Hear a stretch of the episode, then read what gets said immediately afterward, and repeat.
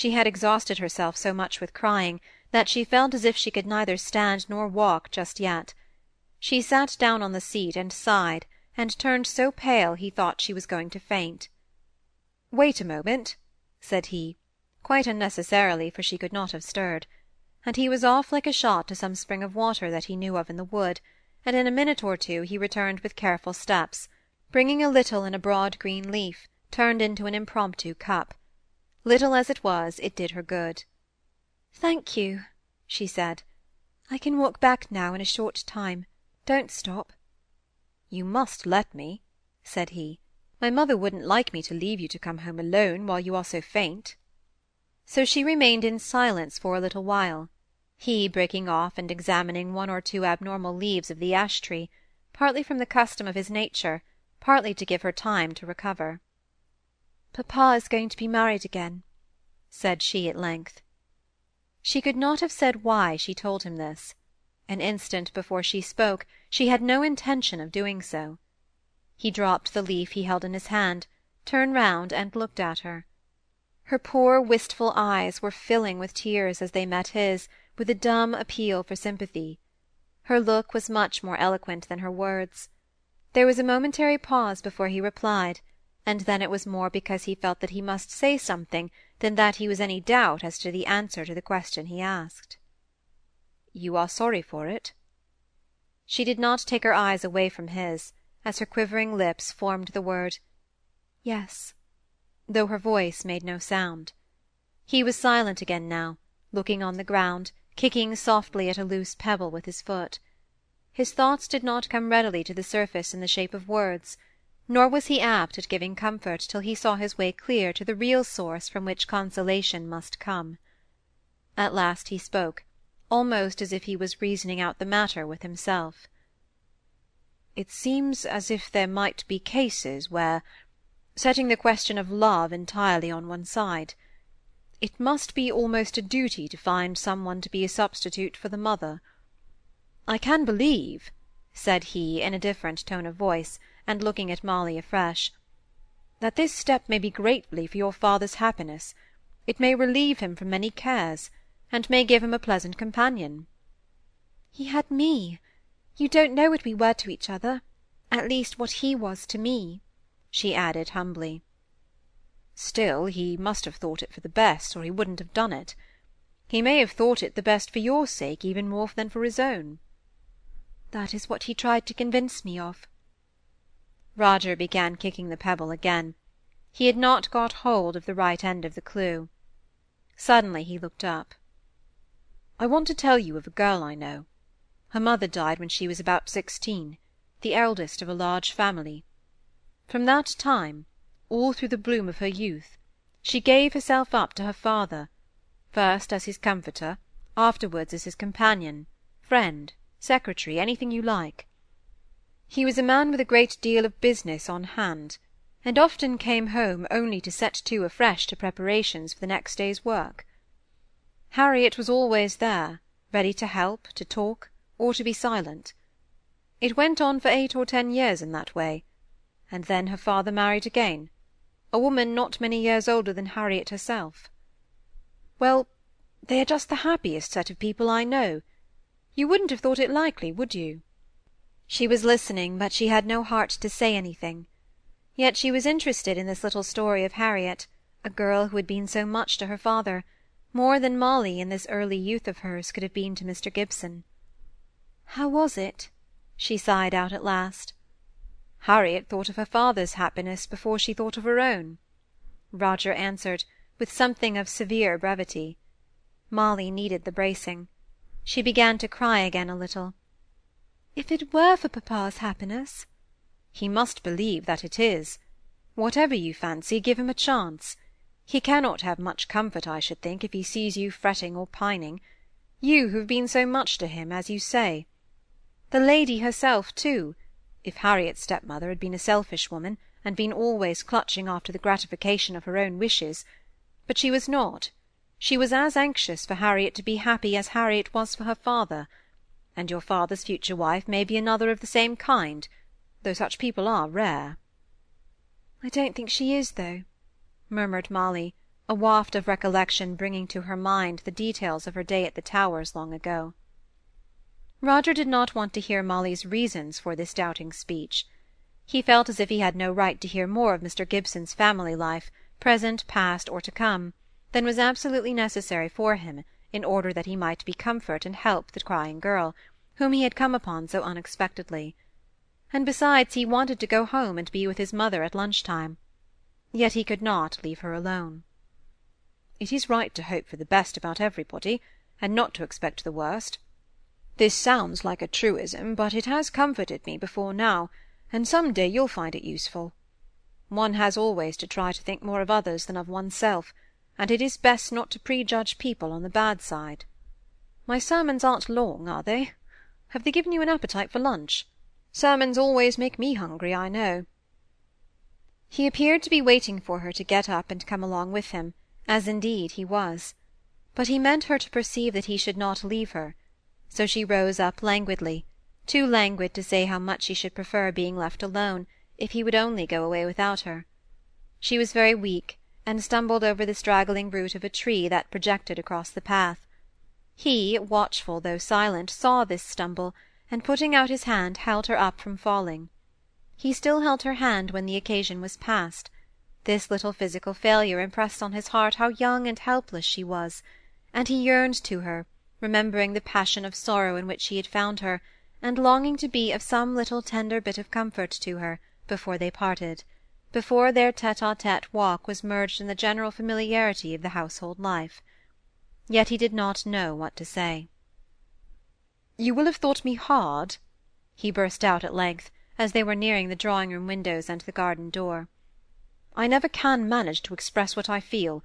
Somehow I always fall to philosophizing. But I am sorry for you.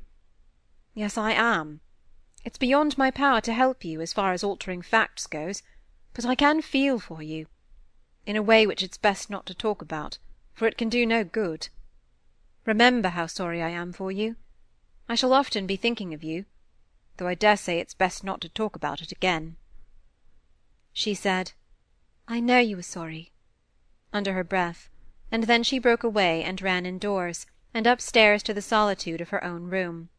He went straight to his mother, who was sitting before the untasted luncheon, as much annoyed by the mysterious unpunctuality of her visitor as she was capable of being with anything. For she had heard that Mr Gibson had been and was gone, and she could not discover if he had left any message for her, and her anxiety about her own health, which some people esteemed hypochondriacal, always made her particularly craving for the wisdom which might fall from her doctor's lips. Where have you been, Roger? Where is Molly? Miss Gibson, I mean." For she was careful to keep up a barrier of forms between the young man and young woman who were thrown together in the same household. "I've been out dredging. By the way, I left my net on the terrace walk. I found Miss Gibson sitting there, crying as if her heart would break. Her father is going to be married again." "Married again? You don't say so!" "Yes, he is and she takes it very hardly, poor girl. Mother, I think if you could send some one to her with a glass of wine, a, cup of tea, or something of that sort. She was very nearly fainting. I'll go to her myself. Poor child, said Mrs. Hamley, rising. Indeed, you must not, said he, laying his hand upon her arm. We have kept you waiting already too long. You are looking quite pale. Hammond can take it, he continued, ringing the bell. She sat down again, almost stunned with surprise. "Whom is he going to marry?" "I don't know. I didn't ask, and she didn't tell me." "That's so like a man! Why, half the character of the affair lies in the question of who it is that he is going to marry." "I dare say I ought to have asked, but somehow I'm not a good one on such occasions. I was as sorry as could be for her, and yet I couldn't tell what to say." "What did you say?" I gave her the best advice in my power. Advice? You ought to have comforted her. Poor little Molly. I think that if advice is good, it's the best comfort. That depends on what you mean by advice. Hush, here she is. To their surprise, Molly came in, trying hard to look as usual. She had bathed her eyes and arranged her hair, and was making a great struggle to keep from crying and to bring her voice into order. She was unwilling to distress Mrs. Hamley by the sight of pain and suffering. She did not know that she was following Roger's injunction to think more of others than of herself, but so she was. Mrs. Hamley was not sure if it was wise in her to begin on the piece of news she had just heard from her son, but she was too full of it herself to talk of anything else. So I hear your father is going to be married, my dear. May I ask whom it is to? Mrs. Kirkpatrick. I think she was a governess a long time ago at the Countess of Cumnor's. She stays with them a great deal, and they call her Clare, and I believe they are very fond of her. Molly tried to speak of her future stepmother in the most favourable manner she knew. I think I've heard of her. Then she's not very young. That's as it should be. A widow, too. Has she any family? One girl, I believe. But I know so little about her. Molly was very near crying again. Never mind, my dear. That will all come in good time. Roger, you've hardly eaten anything. Where are you going? To fetch my dredging net. It's full of things I don't want to lose. Besides, I never eat much as a general thing. The truth was partly told, not all. He thought he had better leave the other two alone. His mother had such a sweet power of sympathy that she would draw the sting out of the girl's heart when she had her alone. As soon as he was gone, Molly lifted up her poor swelled eyes, and looking at Mrs. Hamley, she said, "He was so good to me. I mean to try and remember all that he said." "I'm glad to hear it, love, very glad. From what he told me, I was afraid he had been giving you a little lecture. He has a good heart, but he isn't so tender in his manner as Osborne.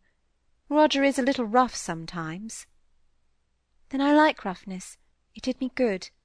It made me feel how badly Oh, Mrs. Hamley, I did behave so badly to papa this morning!" She rose up and threw herself into Mrs. Hamley's arms, and sobbed upon her breast. Her sorrow was not now for the fact that her father was going to be married again, but for her own ill behaviour. If Roger was not tender in words, he was in deeds unreasonable and possibly exaggerated as Molly's grief had appeared to him, it was real suffering to her, and he took some pains to lighten it, in his own way, which was characteristic enough. That evening he adjusted his microscope, and put the treasures he had collected in his morning's ramble on a little table, and then he asked his mother to come and admire. Of course Molly came too, and this was what he had intended. He tried to interest her in his pursuit, cherished her first little morsel of curiosity, and nursed it into a very proper desire for further information. Then he brought out books on the subject, and translated the slightly pompous and technical language into homely and everyday speech. Molly had come down to dinner, wondering how the long hours till bedtime would ever pass away hours during which she must not speak on the one thing that would be occupying her mind to the exclusion of all others for she was afraid that already she had wearied Mrs. Hamley with it during their afternoon tete-a-tete. But prayers and bedtime came long before she expected. She had been refreshed by a new current of thought, and she was very thankful to Roger. And now there was to-morrow to come, and a confession of penitence to be made to her father. But Mr. Gibson did not want speech or words. He was not fond of expressions of feeling at any time, and perhaps too he felt that the less said the better on a subject about which it was evident that his daughter and he were not thoroughly and impulsively in harmony. He read her repentance in her eyes, he saw how much she had suffered, and he had a sharp pang at his heart in consequence. And he stopped her from speaking out her regret at her behaviour the day before, by a "There, there, that will do. I know all you want to say. I know my little Molly, my silly little goosey, better than she knows herself. I have brought you an invitation. Lady Cumnor wants you to go and spend next Thursday at the Towers." "Do you wish me to go?" said she, her heart sinking. "I wish you and Hyacinth to become better acquainted, to learn to love each other." "Hyacinth?" said Molly, entirely bewildered. "Yes, Hyacinth. It's the silliest name I ever heard of, but it's hers, and I must call her by it. I can't bear Clare, which is what my lady and all the family at the Towers called her, and Mrs. Kirkpatrick is formal and nonsensical too. I shall change her name so soon." "When, papa?" asked Molly, feeling as if she were living in a strange unknown world. Not till after Michaelmas. And then, continuing on his own thoughts, he added, And the worst of it is, she's gone and perpetuated her own name by having her daughter called after her. Cynthia. One thinks of the moon, and the man in the moon with his bundle of faggots. I'm thankful you're plain Molly, child. How old is she? Cynthia, I mean. I get accustomed to the name. I should think Cynthia Kirkpatrick about as old as you are. She's at school in France, picking up airs and graces. She's to come home for the wedding, so you'll be able to get acquainted with her then. Though I think she's to go back again for another half year or so.